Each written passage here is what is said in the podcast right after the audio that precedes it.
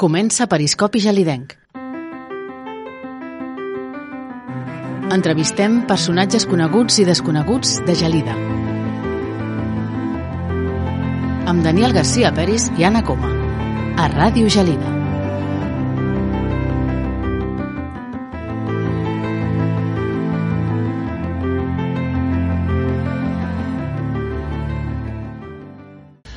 Bon dia i benvinguts a un nou programa.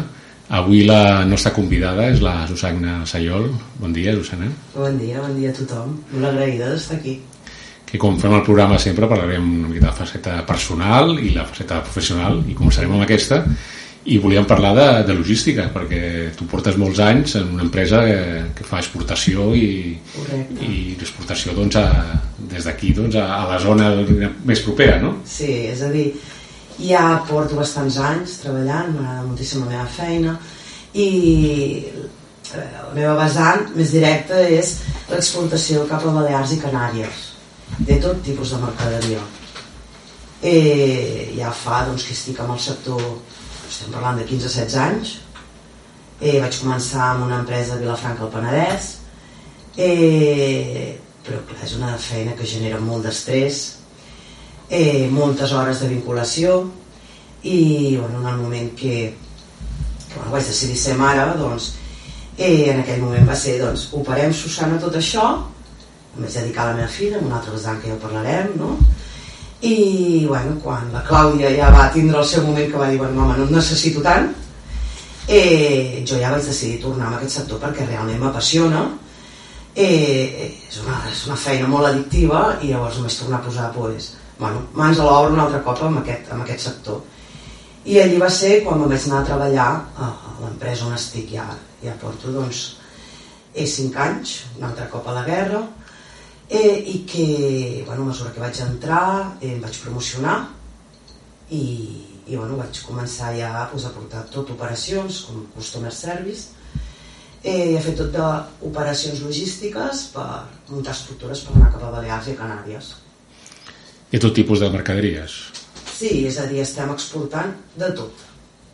Sí que hi ha una part, que a mi personalment la tinc amb molta estima, que és tot el producte que evidentment pues, es genera des del Penedès, sobretot des de la vinya, i que està molt vinculat pues, bueno, a, a la nostra terra, on he viscut, on he nascut, i que m'estimo moltíssim, que és el sector de vitivinícola, no? Eh, llavors, doncs, bueno, hi ha una part on jo vaig decidir eh, doncs a banda de- d'enviar moltes mercaderies doncs com centrar, centrar una part, una línia de negoci que era l'exportació doncs, de la nostra vi, el nostre cava. Eh, cap a Canàries i Balears buscant una distribució on evidentment doncs, tots aquests eh, tots aquests companys de, de la vinya no? pues es poguessin pues, mira, generar una nova línia de negoci i guanyar-se millor la vida.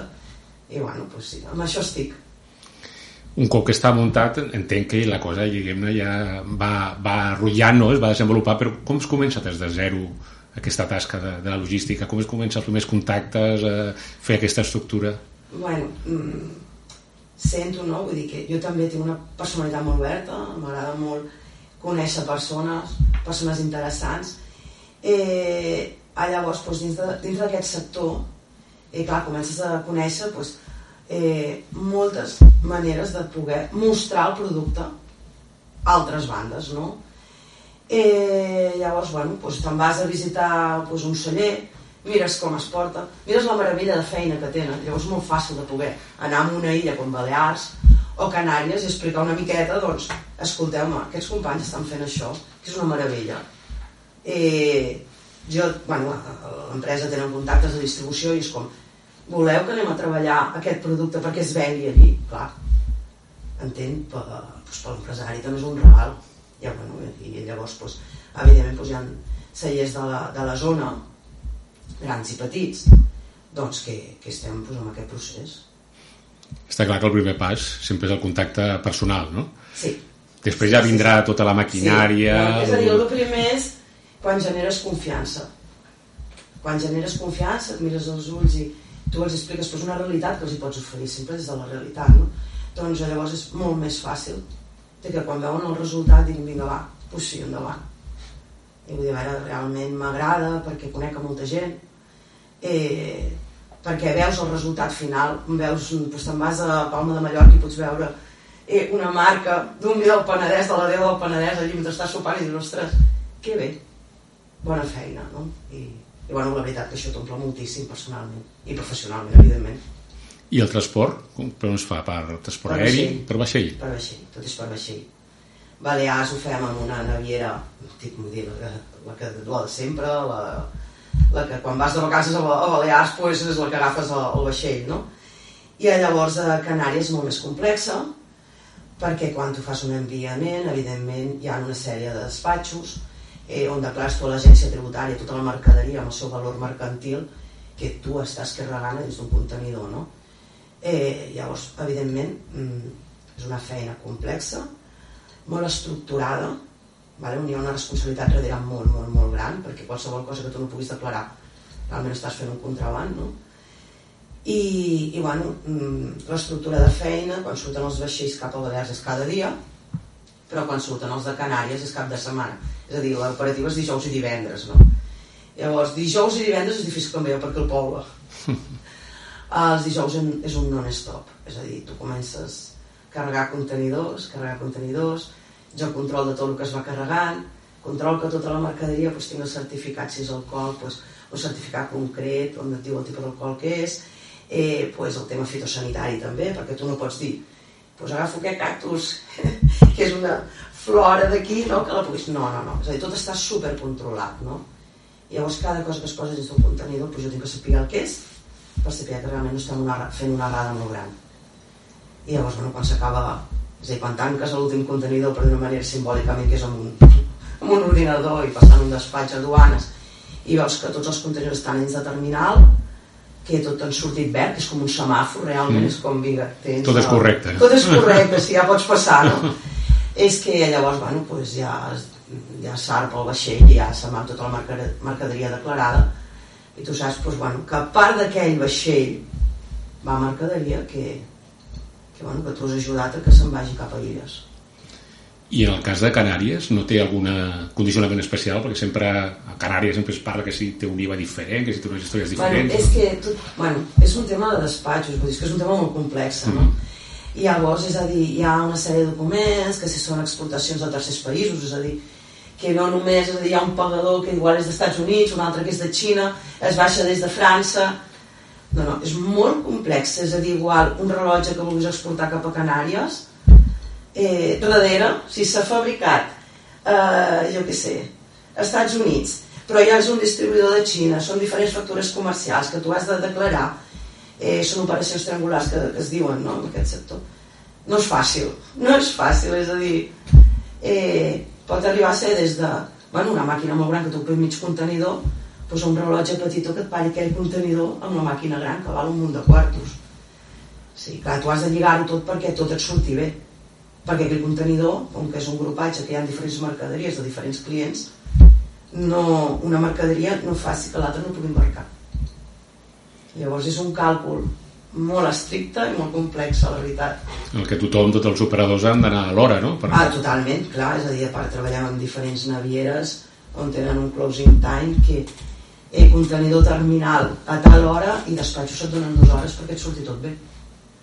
I clar, llavors pues, jo frec a frec eh, amb les companyes de duanes, pues, clar, telèfon i aquí em falta això, aquí em falta un cif instrumental, l'altre em falta l'eori històries, sí, sí, sí. Però és divertit, a mi m'encanta, eh? Vull dir, jo entenc que aquesta feina no tothom hi podria treballar perquè genera un estrès i, i bueno, evidentment doncs tot el dia hi ha una part de tu que està amb un pendent allà però bueno, m'agrada molt i realment vull dir, tinc tècniques per saber-ho suportar més que suportar, és a dir, sostenir-ho Tècniques? Quines tècniques? Bueno, és a dir, respirar profundament no. o o parar-me un moment i situar-me, perquè hi ha moments que, clar, l'estrès et pot dur a, bueno, a que el teu caràcter pugui arribar a ser una mica més agressiu, eh, estàs alterada i tot, llavors com sí que he après amb els anys a para, Susana, controla, revisa com estàs, perquè l'altre evidentment no té culpa tot això que està passant, és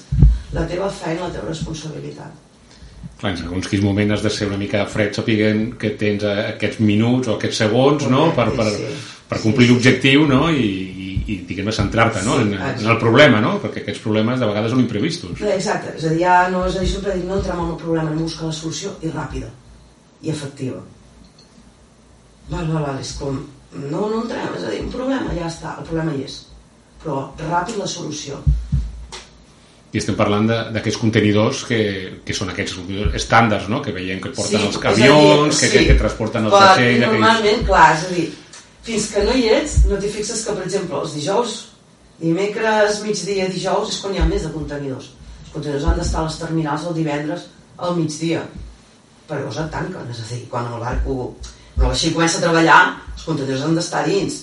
Llavors hi ha uns, uns estibadors que van pujant al contenidor i fan aquell eh, trencaclòs, que és com un tetris, no? com peces de Lego, no? Sí, Allò, i, sí, sí, que, és, que és gegantí, no? veus, sí, ho veus, és impressionant impressionant, és algo molt espectacular eh, perquè realment és una obra d'art perquè cada contenidor quan es posa dins d'un vaixell s'ha de calcular el pes eh, tenen unes peces sota els contenidors que es diuen els twin locks que s'utilitzen doncs, perquè es vagin encaixant clic, clic, i van fent van fent com aquella torre tan espectacular però clar, ha d'estar posada eh, tot molt milimètricament correcte, amb els pesos correctes, hi ha una feinada molt gran de les persones que estan fent el treball de com s'han de posar aquells contenidors perquè n'hi van molts a dins del, d'un vaixell de Canàries, és a dir, hi ha vaixells més grans, vaixells més petits segons les navieres, hi ha navieres molt, molt potents, i hi ha navieres més petitones doncs, que fan eh, doncs només el Mediterrani, però clar, n'hi ha d'altres que et fan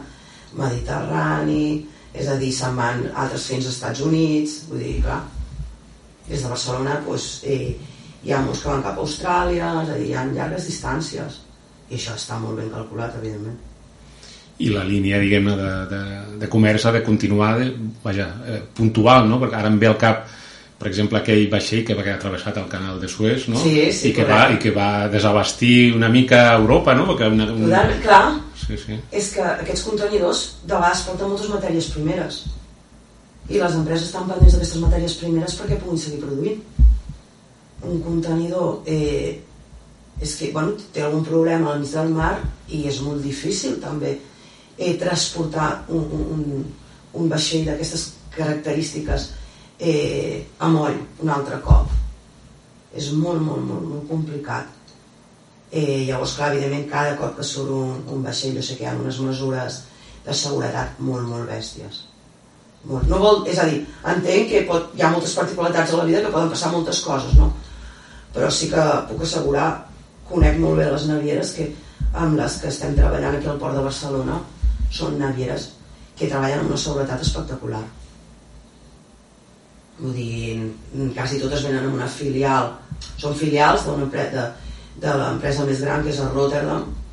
És a dir, allí és realment on estan les mares de tots els més potents. I és a dir, totes les, les per dir una manera, la manera, la forma de treballar que hi tenen aquí eh, ve amb unes unes particularitats molt, molt exactes que es, que es passen des de Rotterdam. I allí tenen una seguretat brutal Una part important del negoci també deu, deu ser les asseguradores, no? Perquè s'ha de tenir pre previst o imprevist, Sí, no? sí, Qualsevol incidència que pugui haver-hi, no? Sí, sí, sí, però és que les asseguradores ja comencen des de que un, des un palet, és a dir, estic parlant des del començament, des un palet arriba a la nostra base, un palet que després ve una mercaderia dins d'aquest palet, no? I des que es posa dins d'un contenidor, perquè darrere tot això hi ha una manipulació molt gran, també. I llavors, evidentment, clar, darrere nostre hi ha moltes, moltes asseguradores que paguen des de que el palet entra base fins que el palet es carrega, fins que el carret està embarcat, el, carret, el, el palet està navegant, es descarrega i s'entrega i després es fa la distribució capilar. Vull dir, tot això vol dir una manipulació molt gran. Però la nostra feina és que tal com arriba, arribi a destí. I això també és part de la meva feina, cada cop, és a dir, eh, que les mercaderies vinguin amb un embalatge eh, que sigui coherent, si no s'ha de denunciar i fer una incidència al client, I amb unes condicions també, en el cas, per exemple, de, del vi, no? Ha de, ha de, Clar. ha de ser especials, no? Bueno, més que, és a dir, el vi ha de vindre tot ben paletitzat, amb els palets europeus normalment són, amb unes mides, és a dir, et deixen fins a 40, algun del 80, però has de mirar el pes de la base també. I després, sobretot, és la manera que ho carreguen. I el vi mai es pot remuntar l'un sobre l'altre, no? Llavors també, és a dir, intentem que no remunti res sobre el vi. Es poden remuntar si tens una partida de coixins. Però sí, amb això jo sóc molt cauta. És a dir, qualsevol cosa que veig que... Clar, vull dir, jo estic a les oficines, vaig baixant i soc, soc massa prudent també de dir, prefereixo un contenidor no em vagi tot ple per d'una manera, perquè llavors són les faltes d'estiva, que llavors et comences que no has arribat a... I clar, baixes el, el, el marge de venda, no? Però prefereixo més que arribi bé, que no pas que després se'm generin incidències, però després aquí sí que són uns costos brutals. Suposo que ho tens tot planejat, ja tens l'experiència i, i de sobte doncs, apareix eh, problemes que només passen cada cent anys com una pandèmia, no? I u, u, com, com va afectar aquesta situació? bueno, a la pandèmia va ser tot tot a part d'estrany, molt complexa. Eh, no sé, per mi que es va generar una nova etapa a nivell, a veure, a nivell mundial està clar, no? Però allí la feina, eh, me'n recordo que, clar, confinen tot menys a nosaltres perquè realment eh, nosaltres també transportem material sanitari. Eh, llavors, clar, eh, va haver molta gent que bueno, vam entrar en una situació a l'empresa que molta gent es va quedar a casa, eh, però jo, clar, jo estava 100%. Per què? Perquè va començar a generar una feina eh, brutal també per la por de la gent. Jo recordo l'anècdota del paper de vàter. Doncs jo me n'anava a Valls a carregar una empresa que hi ha allí bastant, vull dir, molt important, no? Eh, palets i palets de rotllos de paper, perquè és que Balears i Canàries semblava que s'estigués acabant el món també. I enviàvem un munt de contenidors de paper, d'aigua embotellada, me'n recordo, bueno, evidentment les mascaretes també, eh, va ser brutal i després, clar, material sanitari. Eh, sí que vaig posar una instrucció super clara que va ser que, a mesura que venien les bombones les bombones d'oxigen era el primer que havia de, de sortir i bueno, tot el que anava cap a l'Hospital Can Manises de, per exemple de Palma de Mallorca allò era primordial i el mateix tornaven les buides per tornar a omplir doncs, empreses que tenim aquí que el que fan és omplir un altre cop les bombones i és a dir, nosaltres no vam parar jo, jo no vaig parar eh, és més, vaig generar també molt d'estrès perquè vaig començar a fer moltes més hores perquè tenia que assumir feina a altres persones que en aquell moment doncs, estaven a casa. Podies fer treball o no? O havies de ser-hi uh, presencialment? Vaig fer alguna de teletreball. Però estem parlant que igual eh, de dilluns a divendres em quedava un dia cada 15 dies. O sigui, havia de conciliar la meva part de mare i llavors era també organitzar-me també amb la meva mare, és a dir, també hi havia el tema del Covid i la por de...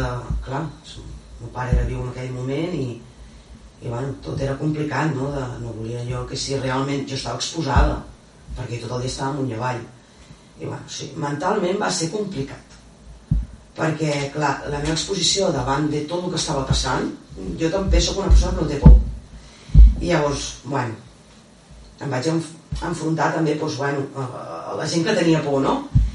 eh, respectant sempre, no? però era, bueno, jo he decidit això, però clar, després hi havia l'altra part on jo tenia que respectar el, eh, doncs que evidentment el tema de la Clàudia era complicat, perquè clar, que s'havia de quedar quan li tocava el seu pare, evidentment amb el seu pare, que també em va ajudar molt en aquest moment, no? però quan estava amb mi, doncs clar, tenia que lidiar amb aquest tema. I va ser dur, però bueno, ara estem en una altra etapa, ja vaig aprendre molt, eh, també allà de, saber també dir que no, dir prou, bueno, ho he de fer d'una altra manera per cuidar-me, perquè si no, és a dir, no, soc una persona que no em permeto petar, això ho tinc claríssim. Però llavors també va ser freno i a buscar noves maneres per mirar-t'ho d'una altra perspectiva, perquè si no, no, no arribarem a bon port. És una feina que és difícil adaptar-la al teletreball. És, Uh, Conciliació m'imagino complicada també, complicat, amb aquests horaris. Clar, en, en aquell moment va ser difícil, perquè molta gent estava a casa. Quan llavors eh, es va diluir tot això, es va calmar la cosa, eh, jo vaig fer una reestructuració també a, a, a la feina i llavors bueno, vaig muntar unes, bueno, vaig agafar persones de confiança al meu departament vaig començar a delegar també és una part que em costa molt, vaig començar a delegar i, i, bueno, i delegar i analitzar, no? per intentar jo una mica des de la distància a veure com anaven les coses. I m'han començat a funcionar bé les coses també. I ara sí que hi ha molts dies que teletreballo sí que el meu mòbil des de les 7 del matí que desembarquen a Eivissa i a Menorca els és de cada dia pues, quan baixen els xofers de Eivissa a Menorca qualsevol cosa que tenen em truquen per exemple i fins que a la nit no entren a dins del vaixell i el vaixell desem... Mm, és a dir, embarca cap a Balears a les 11 de la nit jo no paro un mòbil i et pot sortir doncs, un client molt important que tinc que trucar sisplau, aguantem el vaixell mitja hora perquè està baixant pel, pel Prat, no? Eh, doncs sí. És a dir, això sí que ho, ho he de fer sí o sí, però bueno, ho faig a casa amb la Clàudia. I també una altra variable que també afecta i recentment des de fa aproximadament un any és aquesta guerra d'Ucraïna que suposo que els costos també Totalment. els deu haver incrementat, no? I... Moltíssim, moltíssim. Entenc que a veure, nosaltres també a nivell personal ho hem notat amb la benzina gasoil, tot, no? Bueno, doncs, evidentment, aquest sector eh, eh, hi ha hagut una precarietat molt gran. Llavors, eh, clar, les empreses és molt difícil tu demanar un marge, incrementar un marge de venda amb un client quan mm, fa dos dies doncs, t'acaben de declarar que un BAF, que és l'increment de, del gasoil, doncs, ha pujat. No? Clar, eh, sostindre això és molt complicat perquè eh, bàsicament tots els xofers són autònoms i per mi aquests autònoms són realment els que m'estan donant també vida de menjar no? Llavors jo tinc que fer una mica de lidiar amb l'empresa i l'autònom que treballa per nosaltres no? d'arribar a pactes on nosaltres bueno, mm, hem de mirar d'estrenya per aquí per intentar pues, aportar per aquesta banda. I aquestes persones que és un autònom que per tota la vida nosaltres no haurà d'aparcar el camí i no treballar més. Si no treballarà, es guanyarà la vida. I durant aquest temps, per aquesta casuística que estem vivint doncs guanyarà menys, però guanyarà. I podrà viure, menjar i pagar les seves despeses sigui, ha sigut molt, molt, molt complicat també. Ara de moment doncs, ho estem portant. De... Sembla, sembla que hi ha més estabilitat però tot i així bueno, és, tot i així complicat és no? complicat, sí, perquè és a dir poden entrar un decret aquí dos dies i les coses canvien. I les plataformes entenc de, de sindicalistes del món del transport es paren i ja està. I si es para el transport es para el món. Perquè evidentment no t'arriba la matèria prima per, per produir. És que és una cadena. Per mi és important que entenguem que aquests xofers que trobem a la carretera que viuen en un món precari els cuidem i més en aquest món que sembla que es visqui una mica sense estoc, no? que tot ha d'estar al punt no? de, Sí. de, de la mercaderia, que no, Sí, no hi ha sí. grans magatzems, sinó que tot ha d'estar en moviment. No? tot està en moviment, és a dir, la mercaderia sempre està fins que no arriba al destinatari o arriba al punt concret sempre està en moviment continu que és la manipulació que també deia no? i nosaltres som, formem part d'aquesta manipulació després és a dir a, a, a, nosaltres som els que consumim quan arriba a casa. Però fins que no arriba a casa està en continu moviment. I això genera unes, unes despeses molt, molt grans sobre a dir, una matèria prima fins que s'acaba distribuint i que arriba a casa hi ha de despeses brutals De vegades la gent, eh, el consumidor final, no és prou No és conscient, quan no. compra ara de vegades fàcilment amb, amb internet, no? amb un Sí, clic, sí, sí, no. de, de tota la feina que hi ha perquè li arribi aquell producte. No? Sí, però llavors aquí ja entrem en un tema que per mi és... mm, Per mi em dol, que és el tema també doncs, de, de l'automatització, la centralització. És a dir, t'estàs adonant que qualsevol empresa que ara s'està generant de nou ja no pensa en les persones, poques, o sigui, no estic dient, eh, dir, veure, però que la majoria el que pensen ja és en automatitzar. I és molt fàcil, perquè l'automatització és mm, una inversió que a curt termini tindràs el, el benefici ràpid. Estalvia molts diners. Una persona quan contractes hi ha una sèrie de despeses molt grans, no? Llavors, clar, t'estàs adonant que cada cop s'està automatitzant més tot. I amb el món, eh, el sector de, de, de, de, de l'empresa de fabricació, distribució i emmagatzematge, està passant. És a dir, i aquí on treballo jo estic lluitant, per exemple, també perquè, doncs perquè les persones que m'estan carregant no acaben sent màquines, que són persones. I una persona puc parlar i dir, mira, avui ho farem d'aquesta altra manera perquè provarem coses noves. Una màquina no hi puc dir. Apretaré uns botons i serà un assaig error, no? però no és el mateix. I, bueno, també és una cosa amb què que sé que, que, que és un devenir, però que a mi m'agradaria frenar-ho el més aviat possible. No? És com, anem a estirar una miqueta més, ja ho dir molt més, de la humanitat, no? Esperem que, que sigui possible. Tant de bo. Susana, hem, hem arribat ara a aquest punt del programa on demanem a les nostres convidades que triïn una cançó que els agrada. Mm -hmm. Quina és la teva i per què l'has triada? Eh, mira, aquesta cançó que he triat és High Hopes, de Pink Floyd. Primer és un tribut al meu pare, perquè el primer concert que jo vaig anar així gran va ser el de Pink Floyd. Eh, I segon, perquè el missatge d'aquesta cançó és una miqueta també en part és una miqueta el que estic explicant, no? És a dir, estem entrant en una era on l'essència de les persones s'està perdent. És una miqueta, no? Una mica del Fuxley, no? Una mica que, que dius, és que ens estem tornant autòmates o què coi està passant, no? I, i ho parla aquesta cançó. I per mi quan l'escolto, a part que em porta molts bons records, és com encara em fa més conscient d'aquest treball que cada persona hauríem de fer cada dia al despertar. És no ens perdem pel camí, sisplau. Perfecte. Doncs l'Anna, que la tenim al control, ens la podrà posar.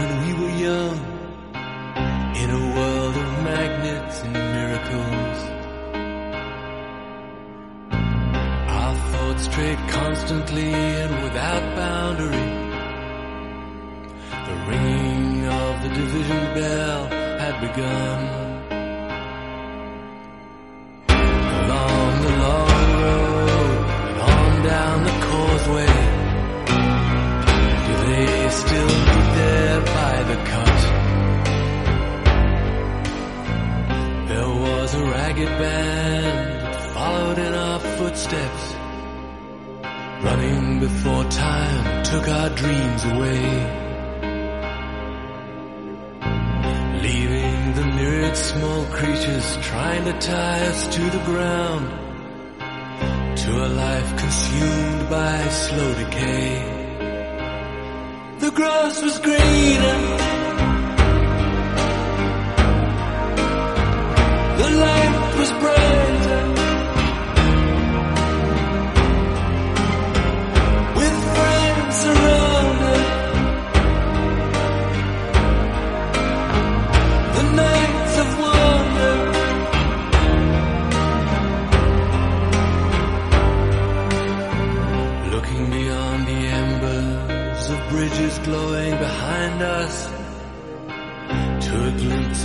it was on the other side. Steps taken forwards, but sleepwalking back again. Dragged by the force of some inner tide.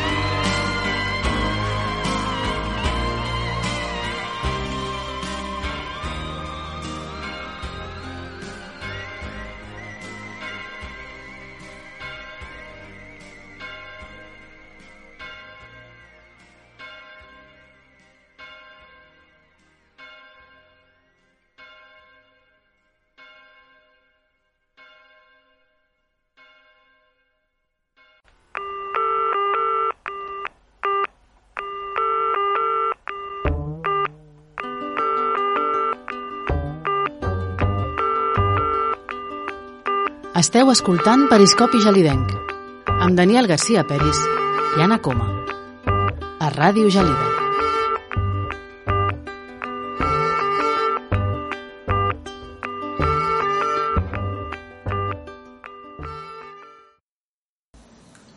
Seguim conversant amb la Susana Sayol i com dèiem, hem parlat de la faceta professional i ara volíem parlar de la teva vinculació amb la vila, amb Gelida Mm. i sobretot amb un mitjà de comunicació com Gelida Televisió Sí, que, que estem parlant de fa molts anys no? I, Moltíssims. però que va ser molt pioner en la seva època no? Oh, i tant. Me'n recordo que va ser quan van començar a generar-se les televisions locals i el meu pare, que era un cul inquiet, eh, llavors en aquell moment estava de regidor a l'Ajuntament, eh, doncs clar, evidentment ell sempre venia amb idees, idees, idees, idees. Em recordo que un dia va vindre a casa Sergi, tu et posaràs a fer un programa de, de videojocs i tu, Susana, avisa la Montse Nieto que se vol fer un programa on heu de llegir la fura.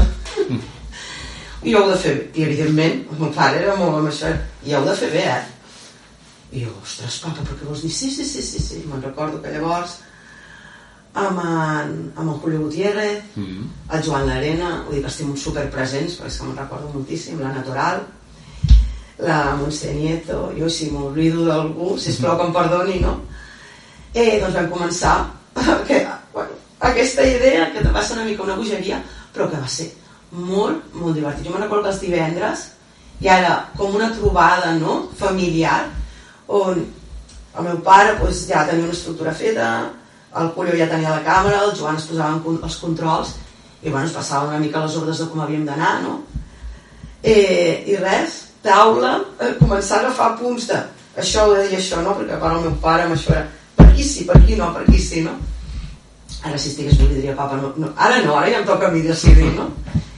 Eh, i llavors, bueno, vam començar doncs, aquesta nova etapa on eh, va durar, va ser molt divertit i a part és que ens apassionava a part com que hi havia hi havia una part que era en directe que clar, era en sèrio que estem sortint ara mateix i que els gelidencs ens estan veient no? clar, Això, això també genera estrès, eh, també. Sí, sí, sí, però també era, bueno, tenia molt present, a fi de cap, era Ràdio Gelida, que ja era, uau, Ràdio Gelida, no, però llavors deies, ostres, que també ens veuen per la tele. I, i bueno, clar, vas començar també a veure una mica el feedback de les persones d'aquí al poble, els hi agradava, llavors me'n recordo vam començar eh, a, a fer propostes sobre nous programes, eh, l'Anna va, va fer un també de tertúlia, eh, llavors també me'n recordo que hi havia tertúlies de debats polítics, que també va ser molt divertit. També en aquells moments me'n recordo que la política estava... Hi havia molts conflictes, però estava molt més agermanant, no? És a dir, es discutien, me'n recordo, tots allà, i després s'anaven a sopar. I m'agradava moltíssim. Era molt enriquidor. Vaig aprendre molt d'allí. A part vaig perdre molt la vergonya, jo crec. De fet, un mitjà de comunicació Sí. és, és, és bàsic, no? És el, Totalment. contacte amb la gent Sí. i més amb un, amb un poble que de vegades doncs, això, el que surt per la, per la pantalla de seguida al carrer doncs, té una Clar. repercussió, no? Correcte, sí, sí, el feedback aquell i, bueno, eh, em va agradar moltíssim, sí, la Montse recordo que algun cop encara parlem avui en dia, no? De, de que la, la Montse també es divertia moltíssim. I ara m'ha vingut al cap una anècdota. Uh, me'n recordo que va ser cap d'any, teníem, no, teníem que gravar en diferit les campanades de cap d'any. Meu pare, que ho hem de fer, si ho fa aquesta televisió, aquesta televisió, si ho fa Telecinco, si ho fa l'altra, jo de televisió també, evidentment. I me'n recordo que eh, la, la Montse i el meu pare feien eh, el raïm i tot. I vam omplir dos copes de cava i, bueno, és que, mira, ens tronxàvem de riure perquè cada cop feien la felicitació, brindaven i després es bevien. I quan ho bevien, els se sentia el, mm, el glob. I el meu pare, talleu, tornem-hi. I un altre cop, sent- talleu. Era per perfeccionista, no? Molt perfeccionista, però és que al final van acabar que no van poder quasi gravar. Perquè clar, els dos, o el, o el cava evidentment els hi va pujar al cap. Mira, i de vegades ho recordem amb la Montse, ostres, la que vam liar amb les copes de cava que no acabaven de sortir com ton pare volia. Sí, sí, sí, un bon record. El Carles Gala, no em puc oblidar, el Carles Gala també. Va començar molt- molt petit. Va començar, era, era un nen, era un nen i va començar amb el meu, amb el meu germà també, amb en Sergi. Sí, sí, que feien el, el programa de jocs, ostres, no, no podia oblidar del Carles, sí, sí, podia molta estima. Ara alguns d'aquests programes de televisió el podem veure en aquest eh, programa Sí. de YouTube, no? Gelida en viu, que fa l'Ajuntament. Sí, sí, sí, em va fer molta il·lusió. Quan el Carles em va dir que ho estava preparant, em va agradar moltíssim, perquè al fi al cap també és una manera de visualitzar no, el meu pare i aquests records que són molt bonics i que formen part també de mi. Sí, el teu pare, el Joan, ens ho va... El aquí al programa i ens va explicar Sí. també aquesta etapa que va ser molt, molt bonica. I ara volíem parlar d'una altra, ja més propera, una altra vinculació que vas tenir, que és participar en aquest projecte de l'escola Arrels. Sí, sí, sí. Eh, bueno, qui em coneix saben doncs, que sóc molt inquieta i bueno, quan va néixer la Clàudia jo vaig deixar de treballar, us ho comentant no? i llavors se'm va obrir un nou món que va ser la maternitat el cuidar amb respecte i bueno mm, no, no em generava confiança potser ho respecto molt però la manera que hi havia doncs, amb altres bandes de, d'acompanyar els nens, no? I llavors vaig dir, bueno, doncs vinga, anem a fer una escola. I, bueno, en aquell moment, doncs una sèrie de pares que també tenien aquesta inquietud, ens vam ajuntar, vam parlar i vam muntar una escola a dalt del casal, vam començar amb arrels, eh, bueno, vam arribar a ser moltes famílies, moltes famílies d'aquí al poble, que encara ens trobem i, i que, bueno, era com una manera de compartir una nova vivència, perquè, bueno, tots érem pares de nou, no?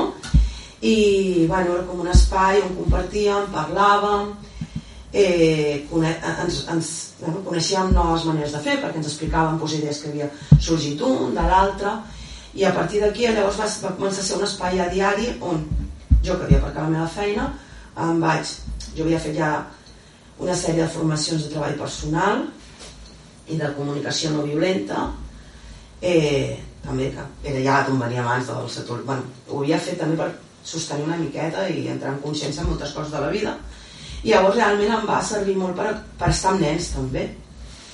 I doncs, per entendre que la vida i sobretot m'agradaria que els nens d'avui en dia doncs, a mesura que ja, ja des de que neixen i comencen a tindre la consciència doncs, que vist, eh, puguin viure la vida amb el respecte ells mateixos a l'altre i a l'entorn.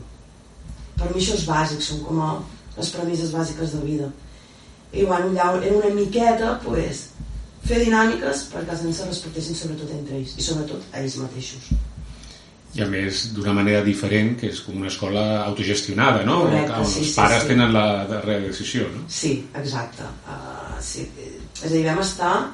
Doncs la Clàudia va començar quan tenia dos anys i fins a segon de primària està cinc anys ben bons, però bueno, mm, de vegades eh, els nens és molt fàcil portar-los molt, molt, i més quan els hi dones eines perquè puguin entendre que eh, ser on és a la vida i parlar les coses cara a cara i sempre amb respecte doncs és fàcil ells, els nens entenien les coses i ells mateixos les gestionaven millor que nosaltres, els adults, la veritat perquè també nosaltres venim d'una altra etapa on amb, una, amb unes altres motxilles no? i unes altres maneres de fer no? que, bueno és com un canvi de paradigma no? I com a adults encara seguim portant aquesta part no?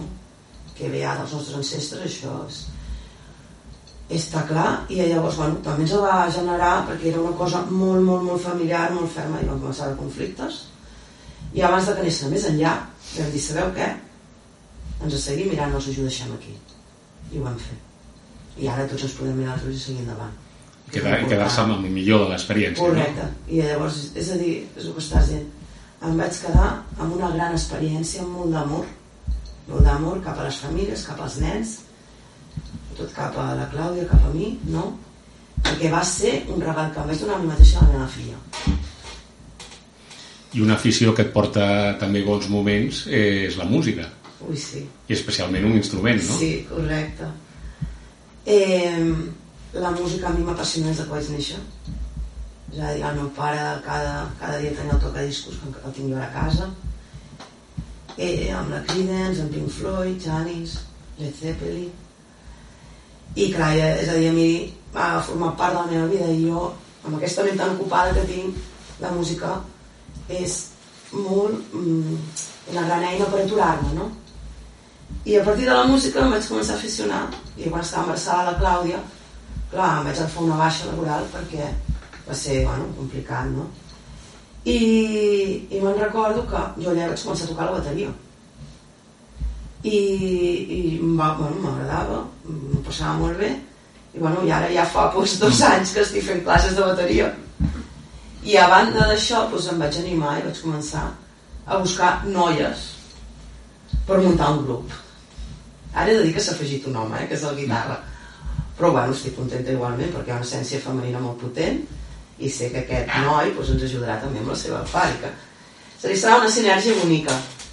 Eh, i sí, és a dir toquem la, amb un grup de música de, així molt singular i bueno, és a dir, toquem des de sol estem una mica sol blues eh, eh, bueno, a mi el que m'agrada molt doncs, realment és el rock and roll el, el, el blues m'encanta també i el soul també i el, i, bueno, és a dir que, que tot el que es pugui tocar en bateria el jazz també passa que en bateria és molt complexa no?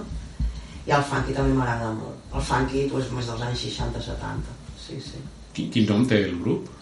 mm, encara, encara, està, Encara encara, està. està en procés n'hi ha noms, és a dir, n'hi ha però clar, tampoc no en vull dir cap perquè llavors és a dir, hem de, hem de fer Encara ho esteu. sí, I, correcte però hi ha alguna data, diguem-ne, per, anar, per veure'ls? Home, jo he proposat que a Músics al Castell hem de ser.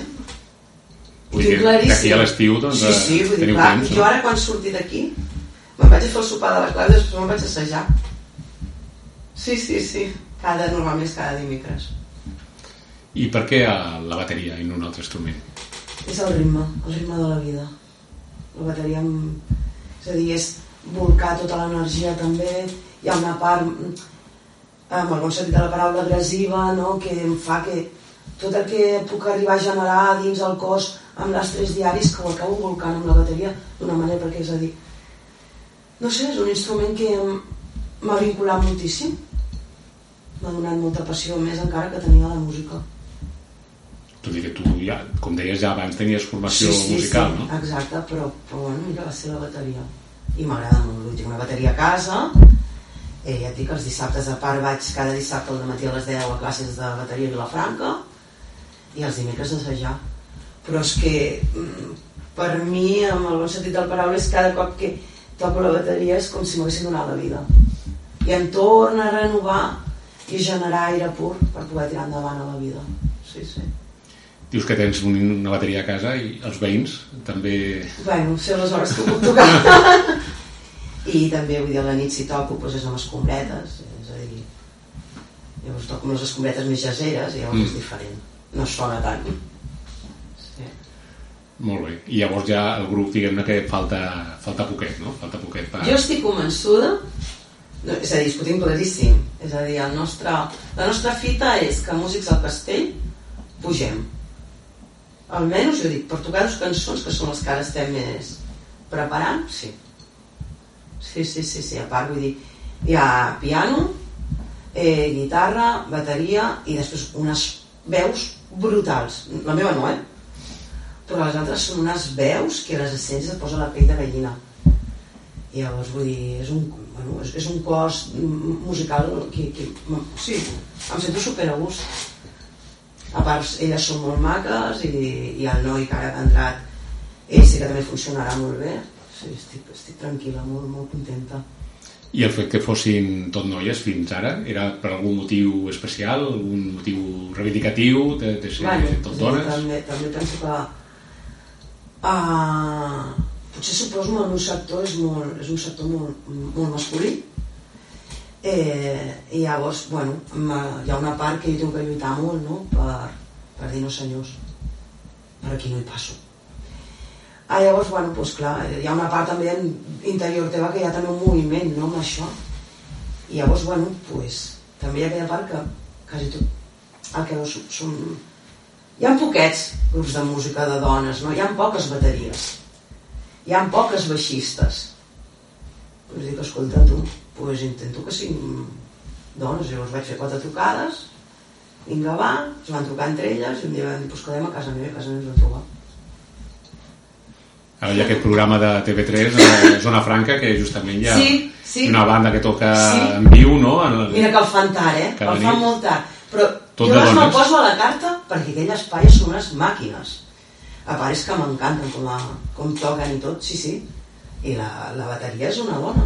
I dic, hòstia, que bé. M'agrada, m'agrada, sí, sí, sí. I potser la, la, diguem la, la dinàmica del grup és, és diferent que si fossin la majoria homes o... Uh, a veure, és a dir, entenc també, elles treballen molt amb la veu, tenen una veu espectacular. És a dir, eh, algunes han estat aquí a Gelida al grup de gospel. Eh, hi, ha, hi ha molta feminitat. I llavors, jo també aquesta controvèrsia, que elles són molt femenines, i clar, la bateria no deixa ser agressiva, no és com... Uah! Llavors, hi ha com una sèrie de sinergies d'energies molt, molt potents. Ostres, i que s'està creant coses boniques. És a dir, hi ha la part molt femenina i aquella part més masculina, no? que potser que jo la porto allí des de, des de la bateria, que és la, bueno, aquest toc fort, el... Sí, sí.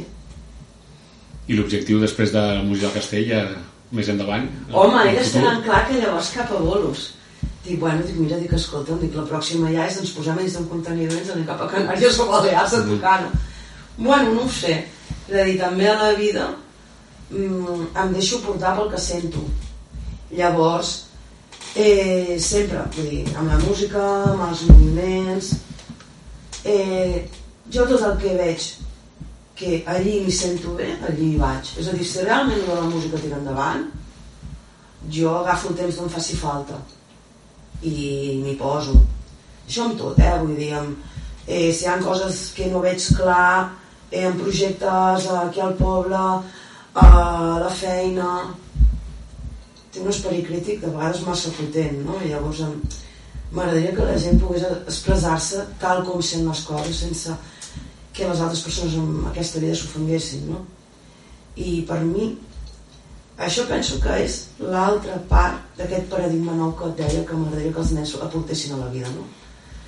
Que la gent poguéssim parlar i expressar-nos en total llibertat i que els altres doncs, poguéssim entendre que aquella opinió està bé, encara que sigui diferent, no? La música és el mateix. És a dir, tu quan et vincules amb la gent quan toques és pots fer pitjor o millor, però estàs fent alguna comú. I amb aquest grup ens està passant. És a dir, un dia un ho farà millor, l'altre dia un ho farà pitjor, però ens mirem als ulls i diem estem disfrutant, no? i doncs ja està.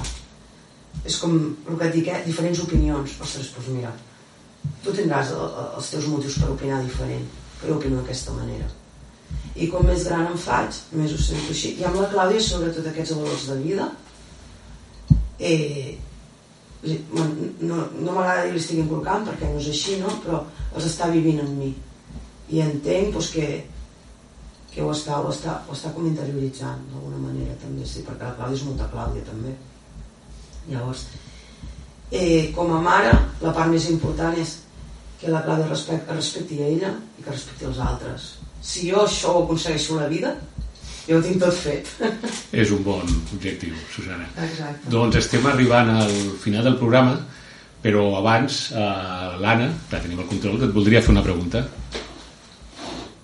Creus que les experiències amb el projecte de l'escola t'han facilitat estar ara en un grup de música? El resum, eh, bueno, sí, evidentment que sí.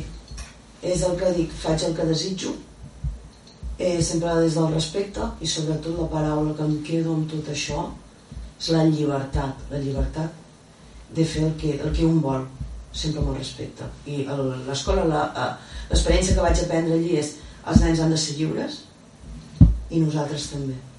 I una de les decisions és muntar un grup de música on segur que es posarem molta llibertat en ell.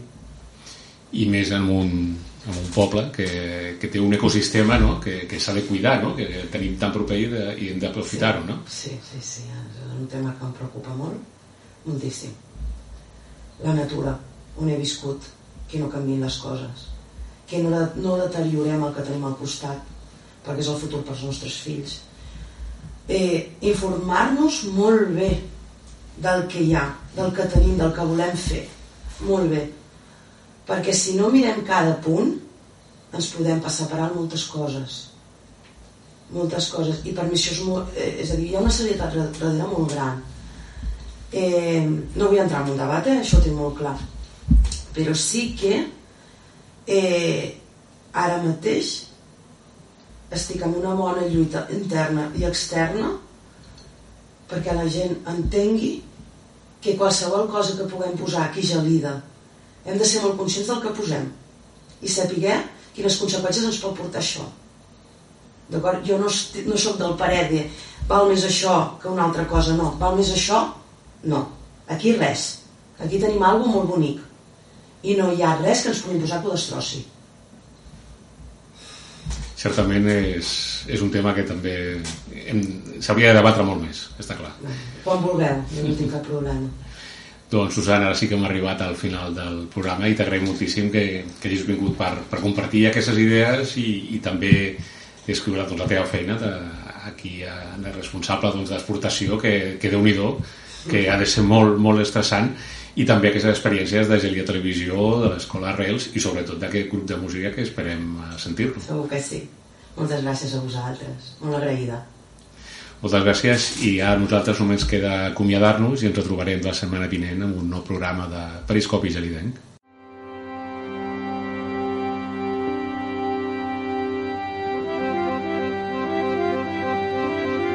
Heu escoltat Periscopi Gelidenc amb Daniel Garcia Peris i Anna Coma a Ràdio Gelida.